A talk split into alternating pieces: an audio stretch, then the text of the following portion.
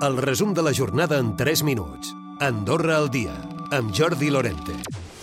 Una vegada s'ha tancat l'acord polític, el procés negociador amb la Unió Europea entra en una nova fase en la qual el cap de govern considera que el pacte d'estat té més sentit que mai. De fet, Andorra Endavant, una de les dues formacions que no ho veu clar, insisteix que el govern ha d'estudiar un possible no al referèndum. La presidenta del grup parlamentari d'Andorra Endavant és Cari Montaner. El fet que un dirigent europeu digui que l'acord que s'ha firmat amb Andorra és el més complet, el més ampli i de més gran calat, eh, firmat amb un país tercer, pues, ens amoïna. Ens amoïna per què? Perquè això vol dir que Andorra serà el país tercer el més integrat a nivell de la Unió Europea. Les declaracions del cap de govern que no s'imagina el no al referèndum, pensem que ha d'estudiar aquesta eventualitat, eh, que eh, el no l'emportaria ara mateix. L'altre partit al marge del pacte d'estat Concòrdia prefereix no manifestar-se fins que no rebin informació per part del govern. Des del PS s'emplaça divendres a fer una valoració quan ja ha prevista precisament una nova trobada del pacte en la qual hi són presents. I i Concòrdia han presentat esmenes a la totalitat al marc pressupostari per als propers quatre anys. Si prosperen, es retornarà al govern perquè el reformuli. Això endarreriria l'aprovació dels comptes públics a l'any vinent. I mentre el Consell de Ministres ha aprovat una inversió d'un 1,7 milions d'euros per millorar la seguretat de la xarxa de carreteres.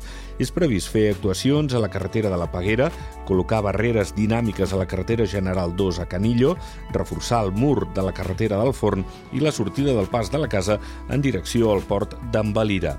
El Tribunal de Corts ha vist per a sentència el judici contra dos germans empresaris acusats d'extorsió a un home que els devia 180.000 euros. La Fiscalia els demana de 4 a 5 anys i 4 anys al sicari, que haurien contractat per cobrar. La defensa en reclama l'absolució. I l'Andorra Business Market es farà el 9 de maig. S'ha anunciat en el Congrés Internacional de Startups que fan a Sevilla.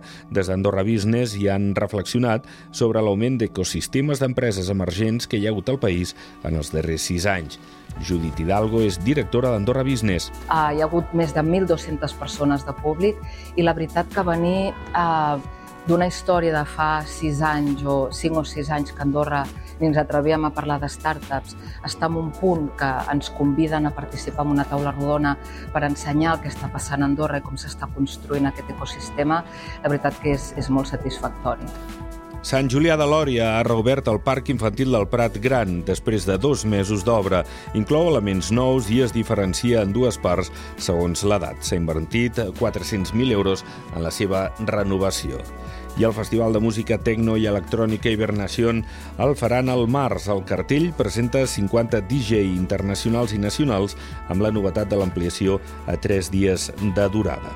Aquest any, des del festival, s'han marcat com a objectiu arribar a 10.000 assistents, ja que l'any passat en van aplegar 8.200 i esperen superar aquesta xifra. Recupera el resum de la jornada cada dia a AndorraDifusió.d i a les plataformes de podcast.